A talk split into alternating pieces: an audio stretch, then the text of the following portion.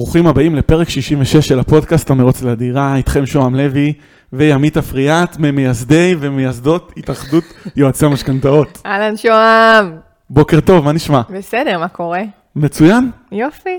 אז היום יש איתנו אורחת מאוד מיוחדת, ניצה יניב, מומחית לפסיכולוגיה של הכסף. היא פיתחה שיטחה, אה, שיטה ייחודית שעוזרת לאנשים ועסקים להגדיל הכנסות ולנהל כסף במקום שהוא ינהל אותם. באמצעות שחרור חסמי כסף. ניצה, בוקר טוב. בוקר טוב, איזה כיף להיות כאן. איזה כיף שבאת. תודה. וואי, ממש. טוב, ניצה, אז uh, תיארנו את, ה, את מה שאת עושה ב, בצורה מאוד... נשמע כזה מפוצץ. בדיוק, מאוד מאוד מפורטת, אז, אז כן, אז מה, מה בעצם העיסוק שלך? אני עושה את ניצה לידי כל הזמן. כן, בדיוק, תסבירי לנו בפועל. אני עובדת עם אנשים ועם עסקים על איך כסף מנהל את קבלת ההחלטות שלהם. כי בסוף, כשאנחנו יוצאים לעולם ולחיים, הרבה מההחלטות שאנחנו מקבלים נגזרות מכמה כסף יש לנו, פנוי או אין לנו, או מה היינו רוצים שיהיה לנו. זה יכול להיות מרמת אני נכנסת אה, לבית קפה ושואלים אותי, את רוצה קפה קטן או קפה גדול? ולפעמים זה באמת מה בא לי בבטן שלי, אבל לפעמים זה גם עניין של כמה כסף לי. אני רוצה להוציא כרגע. זה יכול להיות מהרמה הזו ועד לרמה של כולנו כישראלים מאמינים שכדי אה, שנהיה בטוחים, יהיה לנו בית. אז מה זה אומר לקנות בית? יש לנו את הכסף, אין לנו את הכסף. כל החיים שלנו אנחנו מתעסקים המון בכסף, בכמה יש לנו או אין לנו, אה, גם דרך השוואה לאחרים. אז אני עובדת עם אנשים בדיוק על המקום הזה שמנהל אותם. שבעצם מה, לשחרר את התחושה הזאת שקמים בבוקר ורגע, אוקיי, אני נושם, כמה עולה לי, לשחרר את זה, ואז מה, אמורים לחיות יותר טוב?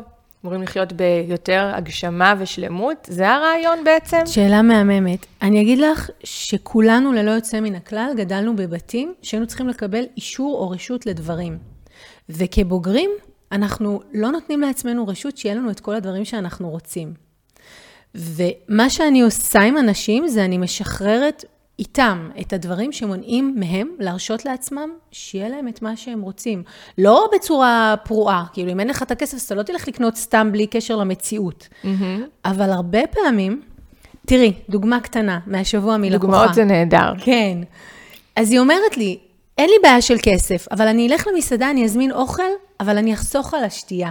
עכשיו, אין לה את הבעיה שהיא לא צריכה לחסוך באמת השנייה, אבל היא לא מרשה לעצמה, וככה עם עצמה, היא מרגישה שהיא חוסכת לעצמה. אז יש לנו מלא משחקים ושיחות כאלה. אז רגע, כאלה. לא, שנייה, אני רוצה להתעכב על זה, כי זה מת, מתחבר לי בדיוק לאירוע שהיה לי. יש, אני חושבת, עניין עקרוני גם לפעמים, ומעניין אם זה אצלה גם היה, כי היינו במסעדה, אני וחברות שלי, שכל מנה קטנה, פיצית, עולה 60 שקלים, כזה טעימות, טעימות כאלה.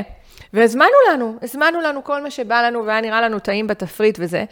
ובקבוק מים של 700 מיליליטר עלה 36 שקלים. לא הזמנו מים, וחליטת תה עלתה, אני, תראי איך אני זוכרת את זה, 44 שקלים, וקוקטייל עלה 68 שקלים. אין לנו בעיה של כסף לאף אחד שם בשולחן, אבל היה לנו עניין עקרוני להוציא סכום כזה על המוצר, כאילו ה-value for money הרגיש לנו, ואכלנו ונהנינו מהאוכל, ולא שתינו, ניצה. לא שתינו בארוחה הזאת, ואני אגיד לכם גם עוד משהו, המים מהברז היו דוחים. הביאו לנו מים, פשוט לא שתינו מהמקום העקרוני. אולי זה גם מה שהיה לה, או שהיא... יש מצב, אבל את מבינה שהעקרוניות הזו יכלה להתקיים כי היה לזה תג מחיר. והתג מחיר היה הכסף. אז בסוף, גם אם אנחנו לא רוצים להודות בזה, הרבה מהשיח שלנו, הפנימי, וכסף הוא מהמם, כי הוא כמותי, והוא מאפשר לנו באמת לאמוד ערכים שלנו מול הסכום. אז אנחנו המון המון מתעסקים בזה. אז כן, יש מצב שזה היה מקום עקרוני, ועדיין יש מצבים שזה לא מקום עקרוני ואנחנו עדיין לא נרשה לעצמנו ונחסוך עלינו בקטנות. נגיד, אני אקח את העיסוי ב-470, אבל לא ב-520, שזה בדיוק מה שאני רוצה.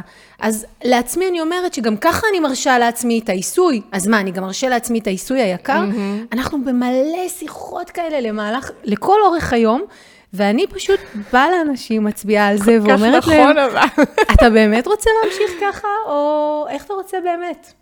אני אתן לך עוד דוגמה. תני.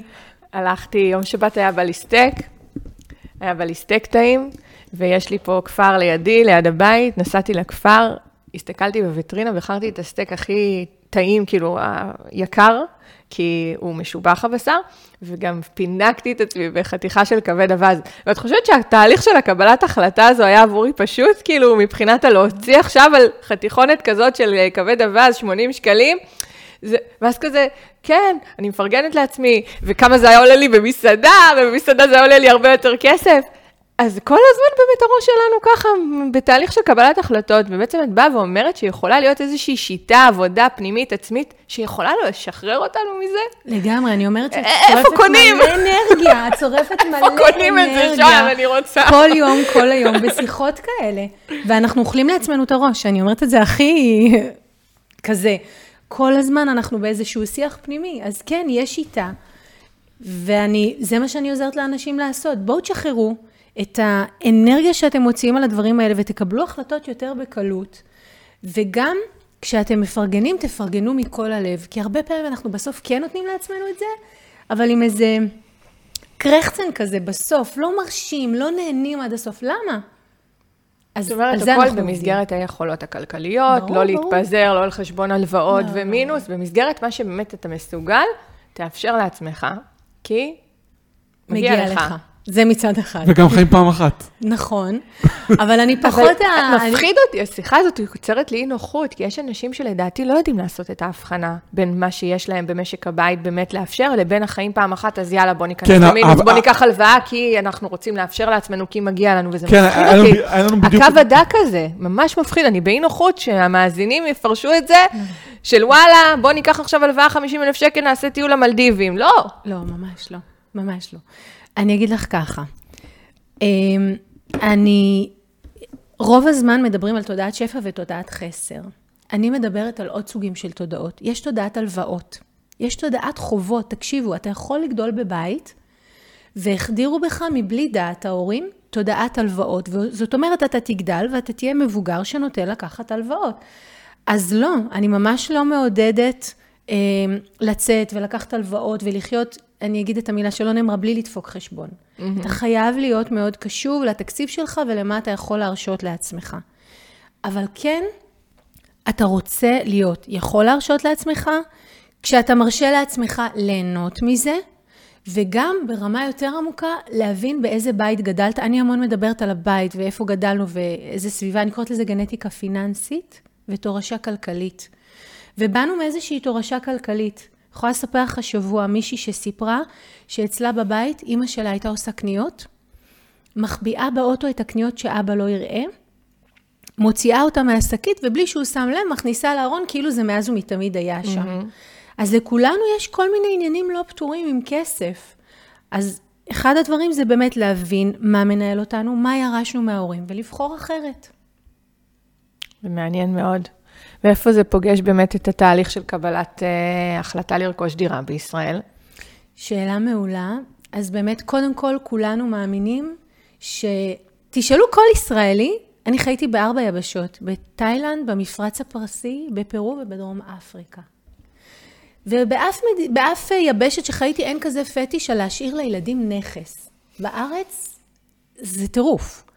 ולמה? כי אנחנו נלחמנו כעם על המקום שלנו. אז מבחינתנו, אם יש לי מקום קבע, אני בטוח וסמוך שהכל יהיה טוב. זה משהו הישרדותי בתרבות שלנו עוד מהשואה וכל מה שעבר העם היהודי, אז זה, זה משהו לא נתנתק ממנו. נכון, נכון. אז כולם רוצים שיהיה להם נכס, והם רוצים לפעול שיהיה להם נכס, ואם הם יכולים גם להוריש לילדים נכס, הם בכלל מאושרים.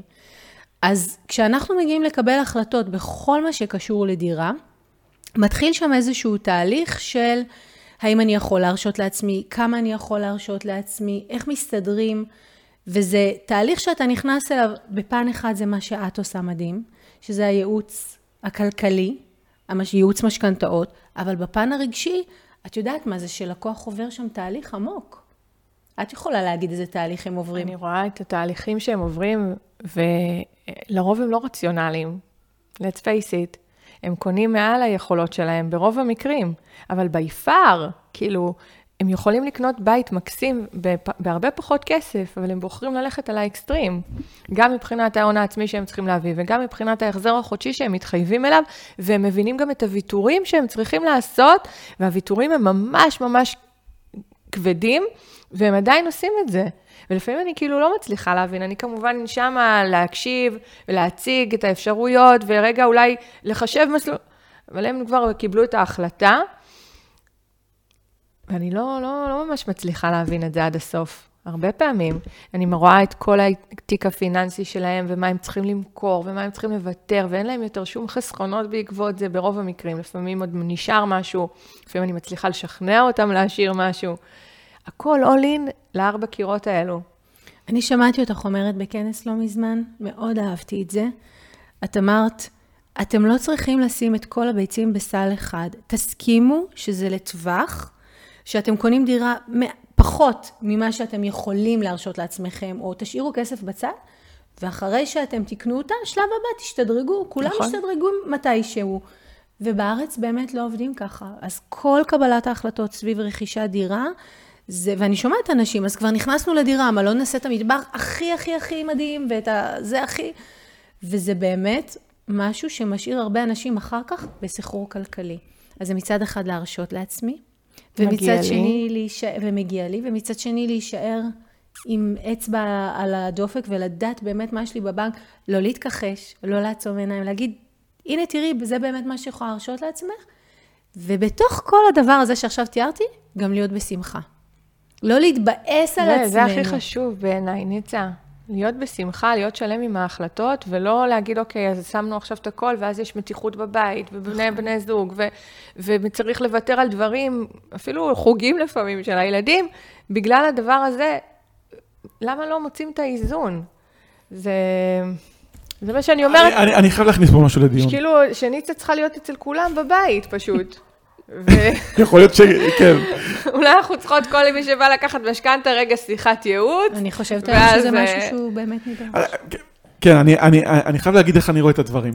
בעצם כל מה שאני עושה, עובד, מרוויח, משתדל, ו- ואשתי גם בגישה הזאת, למרות שיש בינינו חילוקי, חילוקי דעות כמה צריך להוציא, מבחינתי, הכל בשביל הילדים, כל מה שאני עושה זה בשביל המשפחה והילדים.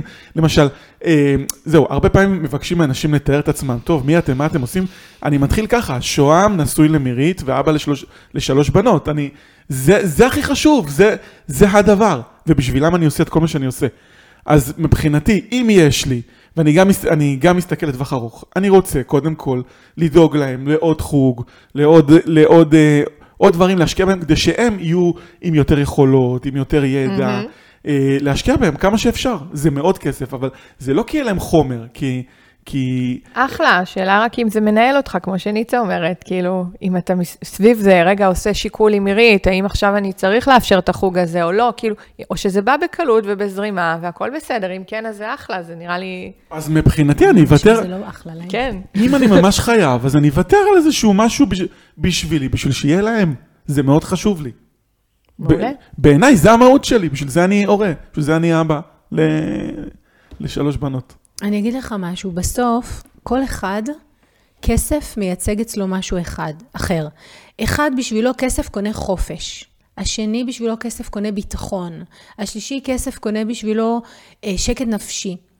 ומה שקורה לנו באמת בחיים, ואנחנו במערכות יחסים עם בני זוג, עם ילדים, זה שכל אחד כסף מייצג אצלו משהו, וכשהוא עולה מול האדם השני, נניח בשבילך כסף מייצג חופש, או דת, לבנות יהיה יותר ידע.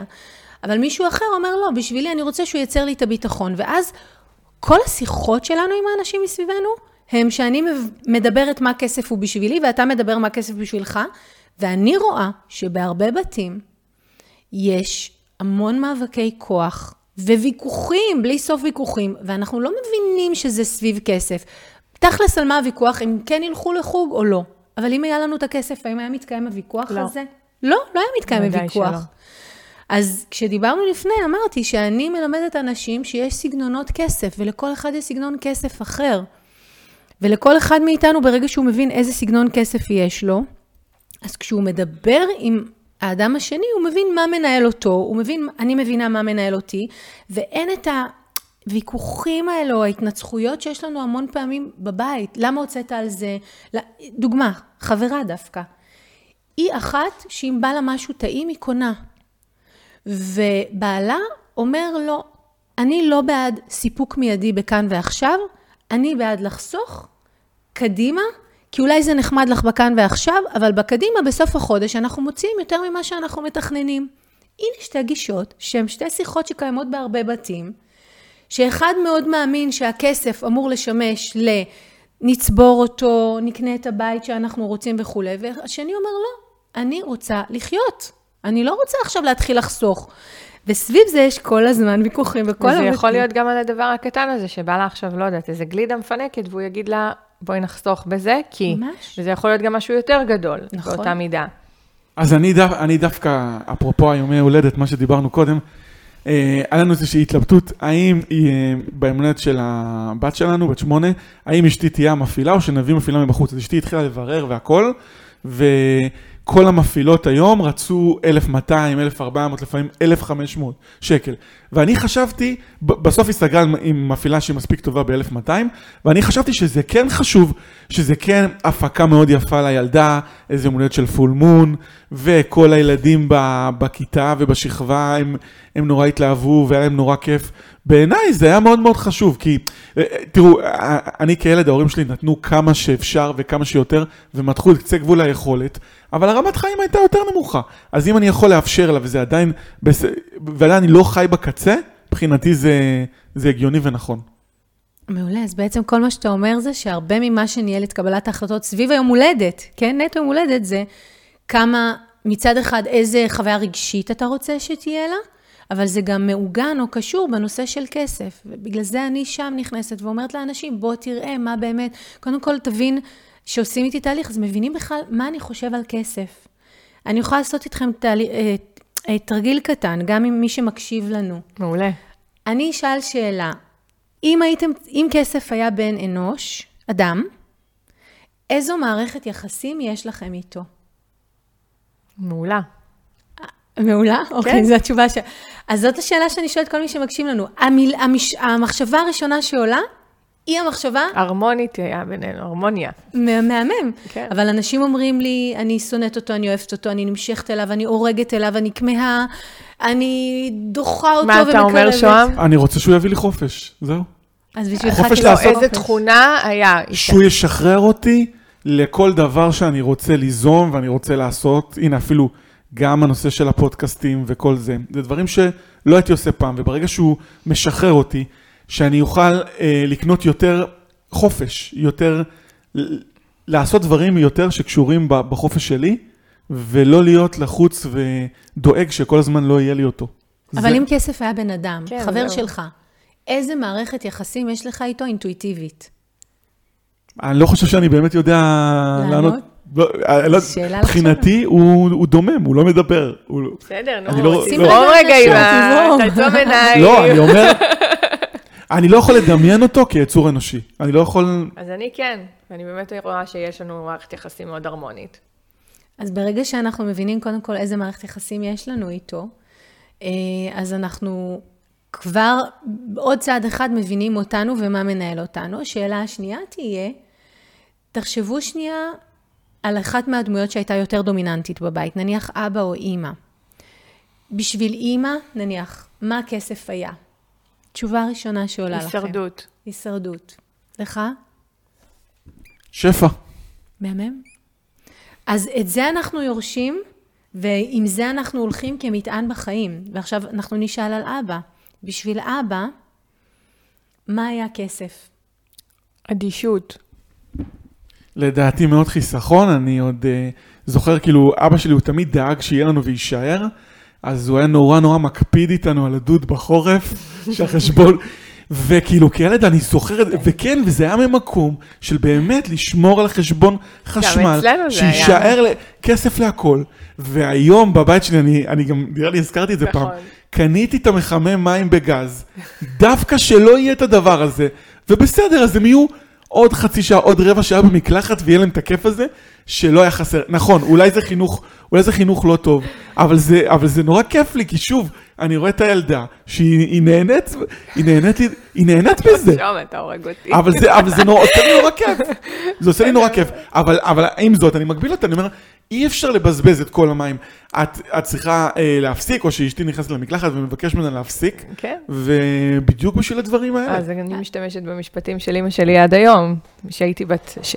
אם תכבו את האורות אחריכם, חשבון חשמל יהיה נמוך יותר, ואני אוכל לאפשר לכם יותר.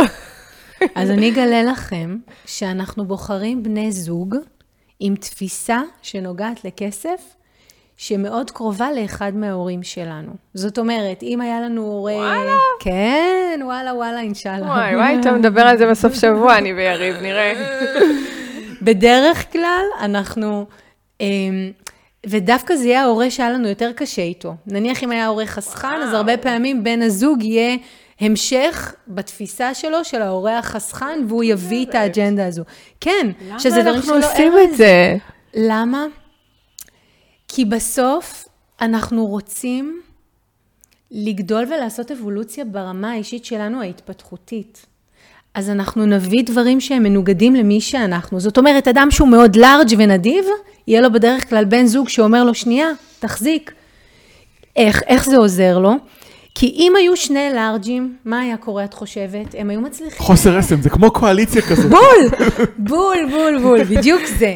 אז בדרך כלל, כשאני מסתכלת היום על זוגות, יהיה את האחד שיותר מחזיק ושומר, אני קוראת לו הקיפר השומר, ויהיה את האחד שאומר, יאללה, תשחררו, תרשו לעצמכם, חיים פעם אחת. אז ברמה של ההתפתחות האישית. זה מהמם, אבל ברמה היומיומית זה מביא להרבה מתח. ובדרך כלל הילדים יהיו אחד ההורים, אגב, אני אגלה לכם שהבוגר, הילד הגדול, הוא בדרך כלל יותר מחזיק. הוא יותר, אה, ודווקא הצעיר, כאילו, הוא כזה, הוא רוצה כזה, והוא רוצה כזה, והוא רוצה כזה, והוא רוצה כזה, כזה. הוא מרגיש אבל גם הרבה פעמים מקופח, כי הוא רואה שהגדול מקבל כל הזמן את הדברים הראשונים והחדשים. נכון. אז אתם רואים שיש פה המון שיחות של דינמיקה משפחתית, שמנהלות ומנוהלות מ... אני, כסף זה לא מילה נכונה, אבל מה אתה מקבל, מה הוא מקבל, למי יש יותר, כמה הוא מרשה לעצמו, כמה אני מרשה לעצמי. ואז כל השיחות האלה מנהלות את היום-יום שלנו, ואני נותנת לאנשים את הכלים להבין מתי אני מנוהלת מקנאה, כי היה לי בבית אח שלא תמיד נתנו, ואני הייתי צריכה לעבוד קשה בשביל מה שקיבלתי.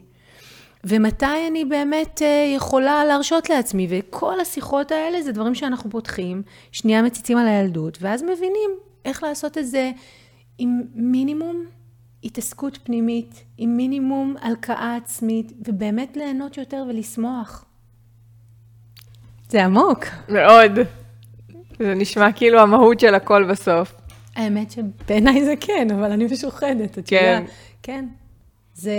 כי כשאתה מבין מי עומד מולך, וכמה פעמים האימא אומרת לבן או לבת, את בדיוק אבא שלך, מה היא אומרת לה בעצם? את בדיוק אבא שלה, שהרבה מהאיכויות שיש באבא שלה, שהיא בחרה בו מלכתחילה, כי הוא משקף איזשהו הורה שהיה לה, ששם יש לה איזה עניין לא פתור. ניקח רגע את הדוגמה של הלארג'ית הזו. אז היא לוקחת אבא שהוא יותר אומר לה לא, ואנחנו צריכים לחסוך, ואז גם אחד הילדים משקף לה את זה. ואז בתוך הדינמיקה הזאת של המשפחה, אנחנו נתקלים ב... בהרבה מתחים. אז כשאני אומרת שאני נותנת כלים, זה למשל, כשאני מבינה שיש לי ילד מחזיק, כשאני אסע איתו לחו"ל, אני אתן לו תקציב ואני כל הזמן אדחף אותו להוציא. נכון? ממש, כי הוא צריך ללמוד מה? לשחרר. אבל אם יש לי ילד שהוא מאוד רוצה, והוא רוצה גם כזה וגם כזה וגם כזה, אתם מכירים ילדים כאלה? אז איתו אני אעבוד על להחזיק. עכשיו, אני רואה הרבה הורים שהולכים למנחים של אה, מנחי הורים, ואומרים להם, תתנהגו עם כולם שווה, אבל אני לא יכולה להתנהג עם כולם שווה אם יש לי ילד שצריך ללמוד לשחרר ולהיות לארג' עם עצמו, ויש לי ילד שצריך דווקא ללמוד להחזיק ולנהל את המשאבים שלו חכם. אז ברגע שאני מבינה איזה טיפוס אני, איזה טיפוס בן הזוג, מה הילדים, וואו, זה פותח שם שיח שונה לחלוטין. יש הרבה פחות מריבות, הרבה פחות ויכוחים, ויש הרבה יותר הרמוניה, וגם אפשר להסביר לילדים, הוא צריך ללמוד לשחרר. אז אנחנו נדחוף אותו להוציא, כי בדרך כלל מה יעשה ילד כזה? לא ישתמש בכל הכסף, ויגיד לך. תשמרי לי את זה, כן, יאגור אותו. תשמרי לי, שימי לי בחיסכון, והילד הרוצה יגיד, טוב, אני אבקש מסבא, במילא יש לי יום הולדת בעוד חודש, שהוא ייתן לי עוד ואני אוציא יותר ממה אני חושב אבל מה שמשלים לאותו ילד שרוצה יותר, זה ללמד אותו גם איך לייצר ערך וערך שמביא כסף ה- היום או בעתיד. למשל, יש לו משחקים ישנים, אז להוציא אותו ליזמות הזאת של לך תמכור את זה בגינה, או לך ת... בוא נפרסם בפייסבוק ותעשה איזושהי מכירה. שהוא יבין את הקשרים האלה, ומגיל קטן הוא יפתח גם את היזמות, גם את היוזמה, ואיך לייצר, לאפשר לעצמו את החיים האלה. אצלנו אנחנו יותר מתקדמים, אנחנו עם מניות. אז דיבידנדים אה, ומניות. ממש הם בוחרים מניות? סתם, שיחק- שיחקנו, קנינו איזה כמה מניות של אל על, כי הן היו זולות, ולאחרונה קיבלתי מכתב מאיזה אה, חברה שרוצה לקנות את כל המניות, נתנה הצעה. אז זה היה מניות של אראל, וואו. בן העשר שלי כאן בחר. אז וואו. שיתפתי אותו, סיפרתי לו, אראל, קיבלנו מכתב ככה וככה, ופישטתי לו את זה. אמרתי לו, מה דעתך, כדאי לנו למכור להם? הוא אומר לי, לא, נראה לי שאם הם רוצים למכור, יכול להיות שזה יהיה שווה יותר. מעולה. אתה קולט? אז הוא מפתח... את קולטת? כן, בוא נעשה משא ומתן. אמרתי לו, אראל, אני איתך, בוא לא נמכור. כן, נחכה. בוא נעשה את המשא ומתן. חיזקת כן. אותו, מדהים. אז הנה, הוא גם מבין את זה, למה הם רוצים לקנות את זה, שזו זה הזדמנות. אורה המליצה לי, דרך אגב, התייעצתי עם אורה, אז היא אמרה לי, ימית, תני לו, ל- אורה אריאל, את מכירה אותה. היא אמרה לי, ימית, תני לו. לבחור, אה, שהוא יהיה, אז אמרת שזה מניות שלו. מדהים. תציעי לו. מדהים. ואני כבר עמדתי ללחוץ על הכפתור הסכמה של למכור להם, ואז התייעצתי איתו, והוא אמר לי, לא, אמא, אני לא רוצה שנמכור, אני מאמין שזה יעבוד, יעלה. זו- בדיוק המהות, זה- זה זה לא עניין של הכסף, זה מה מה הם- מה לומדים בת- בדיוק. בתהליך הזה. בדיוק, ולא אכפת לי שנפסיד את כל ה... אז אני רגע רוצה להתחבר האלו. למה שאמרת, קצת הלכנו לילדים, אבל אם זה כן, בסדר, אני סטינו. אמשיך, אני רק אגיד לה, שאת עכשיו חיזקת את ההחלטה הכלכלית שהבן שלך קיבל, זה דרמטי. כי מה אני רואה הרבה הורים עושים? הם לוקחים אפילו את הכסף מהבר מצווה ואומרים, זה שלי, אני מנהל לך את הכסף הזה. או אני רואה הורים ואני אומרת להם, אל תעשו את זה בבקשה. הילד נגיד יש לו מזומנים בבית, אז הם לוקחים מהמזומנים לקנות משהו, הם אומרים לו, אני אחזיר לך, אני אחזיר לך. ואני אומרת להם, שלא תעיזו לעשות את זה לילדים, למה? כי כבוגרים, אם המעסיק ייקח מהם כסף, וההורים הרגילו אותם שלוקחים להם בסדר. כסף, הם יחשבו שזה בסדר. מדהים, מדהים, זו בדיוק, ה- המ- שהם ידעו איך להתנהל, ו- בול. ו- ויבינו את החינוך הזה מגיל צעיר. זה- זו המטרה. זו כן. אז זה מתחיל בהחלטות כלכליות שהורה מחזק מגיל צעיר, ואותם הורים, אותם ילדים הופכים להיות ההורים שהולכים לקנות אחר כך דירה. וכמו שאמרנו, כל מה שתיארנו נמצא גם כאן בעצם רכישת הדירה. איזה טיפוס כסף אני, איזה טיפוס כסף אתה, איזה יעדים יש לנו, האם אנחנו רוצים לקנות את הדירה הכי יקרה ולשים את המקסימום כסף שיש לנו, או שאנחנו עושים איזשהו צעד ביניים. וכל השיחות האלה כמובן הכי נוכחות שם. אני כן. חושב שדווקא אנשים שיקנו את הדירה הכי יקרה זה כל אלה שחסכו כל החיים ומנעו מאיתם, מעצמם את כל הדברים האלה. זאת אומרת, האיזון מתקיים בזה שחסכתי הרבה נכון. מאוד חוויות, ופה, לא, זה לא מה שאני רואה. לא? הם יצטרכו? לוותר. אני רואה אנשים שחיו מאוד טוב, ובילו והכול, ועכשיו בשביל הבית הזה, נורא נורא יקר, אנחנו מדברים על מיליונים, הם יוותרו. כי אין להם, זהו, הם הביאו את הכל, את כל החסכונות, הכניסו, עכשיו יצברו מחדש כנראה, עוד פעם, יהיה להם קשה. כן. כי היום הם חיו עם איזושהי אה, שכירות שאפשרה להם גם להמשיך לחסוך, עכשיו הם הכפילו את זה בשביל המשכנתה, הם יצטרכו לעשות הרבה ויתורים. אני לא יודעת איך זה יהיה באמת, כי זה גם אורח חיים, הם אנשים בני 35 או 40 שכבר רגילים גם למשהו. רגילים לטיול המשפחתי, רגילים ל- להוציא סכום מסוים. אני לא יודעת איך בדיוק ההתאמות האלה באמת יתקיימו, שהם יפחיתו לטובת זה שהם יגדילו לעצמם את ההתחייבות החודשית. לפעמים פי שתיים, ואנחנו יודעים שהשכירויות בישראל, שאני אומרת פי שתיים, זה מ-8 ל-16, או מ-5 ל-10. אז אוקיי? בסוף, באמת בסוף מה שיקבע זה איזה סיפור פנימי יש להם על הכסף.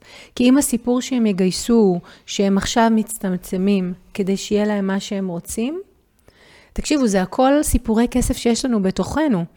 אז זה יעבור חלק. אבל אם הם יהיו בחוויה של אה, אה, הורדתי ממני והפסדתי ואנחנו לא חיים כמו שחיינו, אז זה לא, יהיה, זה לא יעבור חלק, ואפילו ועדיין שתהיה את הרכישה, יהיה שם איזה קווץ' כזה. אז אה, כן, זה, זה להחליט שאני מספר לעצמי סיפור כסף פנימי, שתומך ביעד שאני רוצה להגיע אליו. שחסכתי נגיד למשהו והתאמצתי להגיע אליו, ואז אני יכול להיות נורא מאושר שהעסקתי אותו, וגם כיף לי עם עצמי, וידעתי שהוצאתי נכון את הכסף. כן, ממש. ממש. זה, זה לגבות אותי לכל אורך ההחלטה. אני רגע אגיד דיאטה, בסדר?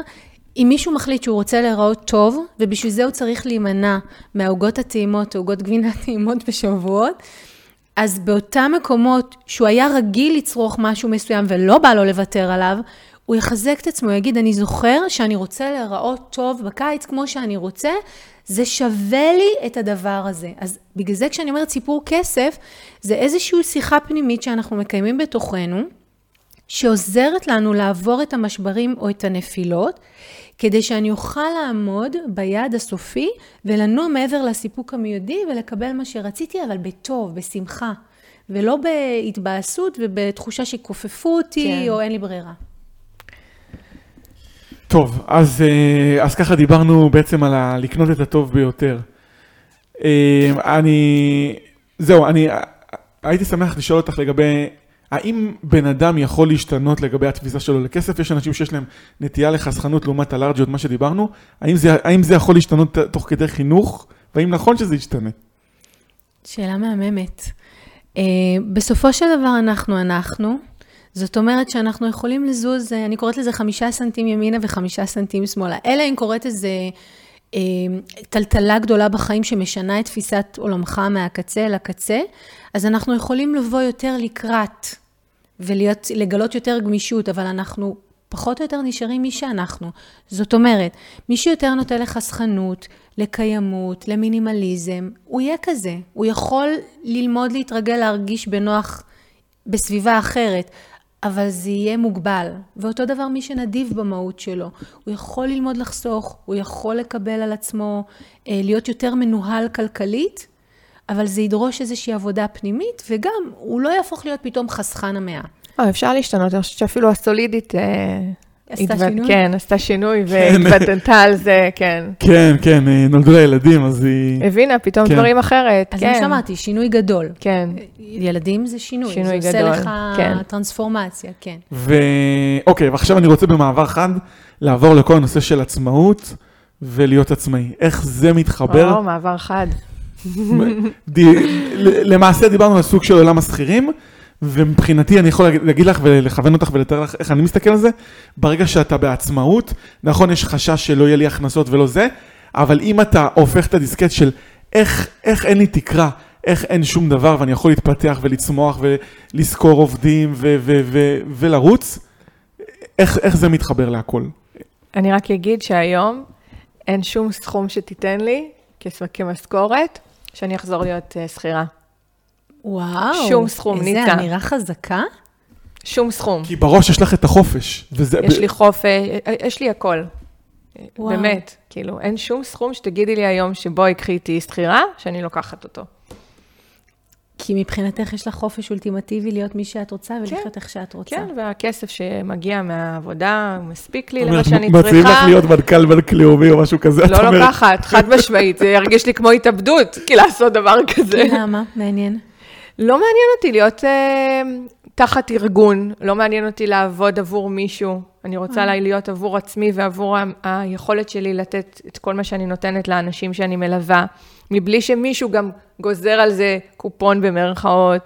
אה, החופש, הגמישות, אה, הכל, כאילו, לעבוד עם מי שאני רוצה, לא מורים עליי מלעב, כאילו, הכל, הכל מושלם לי, כאילו, יש לי... וואו. חמסה, הגעת חמסה. למנוחה ולנחלה, זה נשמע מהמם. כן, כן.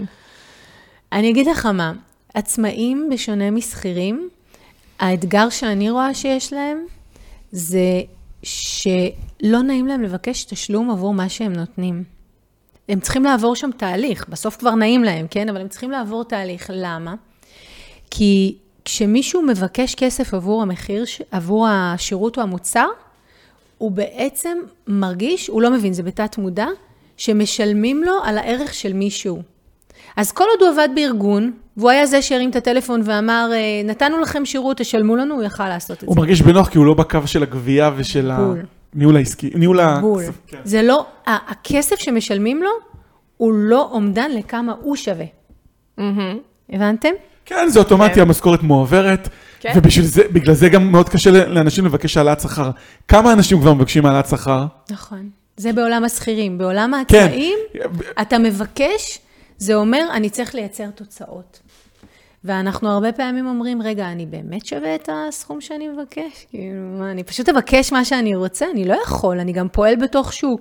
אז אני מוצאת שאצל העצמאים, הקושי הכי גדול הוא, א', להגיד כמה הם רוצים, עבור מה השירות או המוצר שהם נותנים. כן, הם הרבה פעמים אומר- אומרים את זה בצורה מאוד מתנצלת. אה, נכון. ואז או שזה נשמע פתאום אינטונציה אחרת, וקולטים את כל המסרים האלה. נכון, קולטים, ואני תמיד אומרת, כשאנחנו נכנסים לחנות נעליים, איך נדע אם בחנות הזאת אפשר לבקש אה, הנחה או לא? איך, איך אתם יודעים, כשאתם נכנסים לחנות, אם אפשר לבקש הנחה או לא? הרי לא כתוב ניצה? בשלט... איך אה, יודעים? אנחנו מרגישים אינטואיטיבית. זה משהו שהוא לא מדובר, זה הפסיכולוגיה. משהו באיך שהמוכר מחזיק את עצמו, באיך שהוא מגיש לנו את הנעליים, אנחנו נדע אם זה מקום שאפשר לבקש בו הנחה או לא. אז כשעצמאי אומר כמה הוא מבקש, הלקוח, גם אם הוא לא מבין עד הסוף, הוא יודע להרגיש אם פה יש מקום לשאת ולתת ויש מקום להנחה, או שזה הסכום ולא זזים ממנו. את יודעת שיש אנשים שמבקשים תמיד הנחה, לא משנה איפה. חנויות בקניון, אני לא דמיינתי שאפשר לקבל הנחה בחנות בקניון. חנות מדברת על שדות גדולות, קסטרו, פוקס וכאלה? כן, במקרה חנות נעליים גדולה, לא נגיד את השם, לא לא רלוונטי, נכון? בסדר, לא- חנות נעליים, שם גנרי כי אמרת מותר. נעליים, כן, אבל השאלה אם זה רשת ענקית לא גדולה. רשת ענקית. אתה יודע מה? בוא נגיד את השם. אליטל. בסדר? מכיר? כן. סבבה? ש- לא אגב, הייתי מדמיינת שאפשר לבקש שם הנחה בקופה. עכשיו, בן אדם שאני מכירה ביקש הנחה והוא קיבל הנחה, ניצה. לא הייתי מעלה בדעתי שבחנות. בקניון אפשר... אז את מבינה, ויש אנשים שמרגישים את זה. יש אנשים, א', שיש להם נטייה לבקש, כי הם... כן, כל הזמן מבקשים הנחות, נכון. כן. אז, מישהו חינך אותם לזה. נכון. מישהו חינך... ואז הם אומרים, מכל הבקשות האלה, אני יכול להשאיר לעצמי עוד הרבה יותר כסף. נכון. ו- והמקום הזה שאנחנו מרגישים בנוח לבקש או לא לבקש, זה קודם כל קשור לכמה השכר, מגיע לי. כן. כן. ואם אני חוזרת לעצמאים, אז כמה עצמאי יכול להגיד, אין אצלי, אני לא נותן הנחות, והוא מפחד, תראו, אצל עצמאי, הוא מפחד לאבד את הלקוח, הוא מפחד שאם הלקוח ביקש הנחה והוא לא ייתן הנחה, אולי הוא יפסיד את הלקוח. אז אין לי את הפחד הזה. מהמם? אז ברגע שהוא. מות, ברגע כן. שהוא מותג והוא יודע שיש לו זרם של לקוחות, נכון. יש לו הרבה יותר ביטחון ואמון להגיד את הסכום וכמה שהוא, כמה שהוא שווה. בדיוק שמת את זה עכשיו במילים, שבסוף כסף קשור לביטחון, ובמקום שיש לנו ביטחון, לא נוריד במחיר, או לא ניתן את ההנחה. אבל גם לא נגיד את זה במתכווץ כזה ומתנצל, אלא נגיד, לא, זה המחיר, take it or leave it, רוצה מצוין, לא רוצה גם הכל טוב. ונציג גם את היתרונות ואת החוזקות שלנו, לא take it or leave it, כי אנחנו בסוף כן רוצים ש... אבל אם לא, וזה בסדר, נכון. זה בסדר גמור. אבל תהיה שם איזה השלמה, it כן, or leave it התכוונתי, נכון, זה כן, לא, אני אתה לא מצוין, מתחיל להיות כן. אה, נסחט רגשית, כן. כן, בסחיטה רגשית. יותר מזה, יש איזה, יש חברת טכנולוגיה שקוראים לה גונג, שהיא מפתחת טכנולוגיה להשבחת אנשי מכירות. היא הופכת את האנשי מכירות הבינוניים לאנשי מכירות יותר טובים. והם אמרו סטטיסטית על פני הרבה מאוד מקומות, ברגע שמיילים מתחילים איזושהי שפה מתנצלת, ברגע שהעצמאי או העסק הוא מתנצל על משהו, המכירה נפגעת, המחיר יורד, דברים רעים קורים. אז כמה שפחות להשתמש בשפה שהיא מתנצלת, להצדיק את עצמך, אתה רוצה, כן, כן, לא, לא, זה מגובה גם מספרית ומחקרית. כי ההתנצלות אומרת, אני לא בטוח שמה שאני מבקש הוא באמת מה שמגיע לי לקבל ביחס לערך שאני נותן. אפילו שבן אדם יודע שהוא נותן טוב, אבל יש שם איזה מקום, ושוב, סביב כסף, שאולי לא מגיע לי את הסכום הזה. אז כן. ו- ואיך אנשים יכולים, מי שרוצה לפתור את זה רעיונית, מה, איך הוא צריך לעבוד על עצמו בפועל, את חושבת? שאלה מעולה. אם הוא בעל עסק, דבר ראשון, מה שהוא צריך שיהיה לו זה צ'קליסט של 1, 2, 3, 4, איך הוא פועל בכל הנושא שקשור לכסף. אני נדהמת לגלות שעסקים קיימים לפעמים עשור ויותר, ואין להם סדרת הנחיות ברורה לעצמם, שהם לא יכולים לסטות ממנה, כי כסף זה נושא מורכב, זה הרבה פעמים נושא נפיץ. תעשו לכם, אחד, אין הנחות. שתיים, הנה הפעולות שצריכות להיות. למשל, מתי הלקוח משלם, לפני, אחרי, הכל צריך להיות רשום מראש, ולפעול לפי הצ'קליסט, וברגע שיש לנו קווי מתאר ברורים לפעול לפיהם, לא יהיו גליצ'ים. וצריך להסכים עם עצמנו מראש שלא יהיו גליצ'ים. זה ברמה אחת, ברמה הפרקטית. ברמה הרגשית, התפתחותית, זה לעבוד על ביטחון עצמי, ועל ערך ועל הידיעה שאני שווה. איך אני עושה את זה?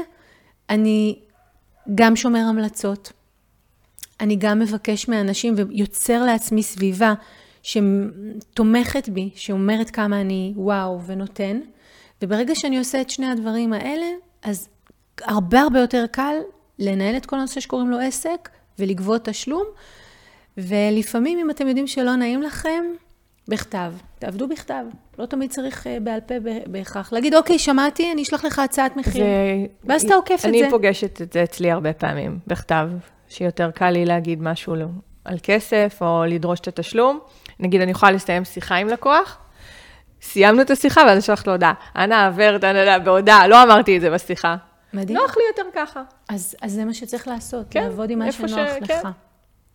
מחוזקות. אני חושב, כן, אני חושב שיש עוד, עוד איזשהו נדבך, לא, לא, לא נושא הגבייה עצמה, אלא נושא איך, איך אה, תרגיש שזה באמת יותר שווה ומגיע לך.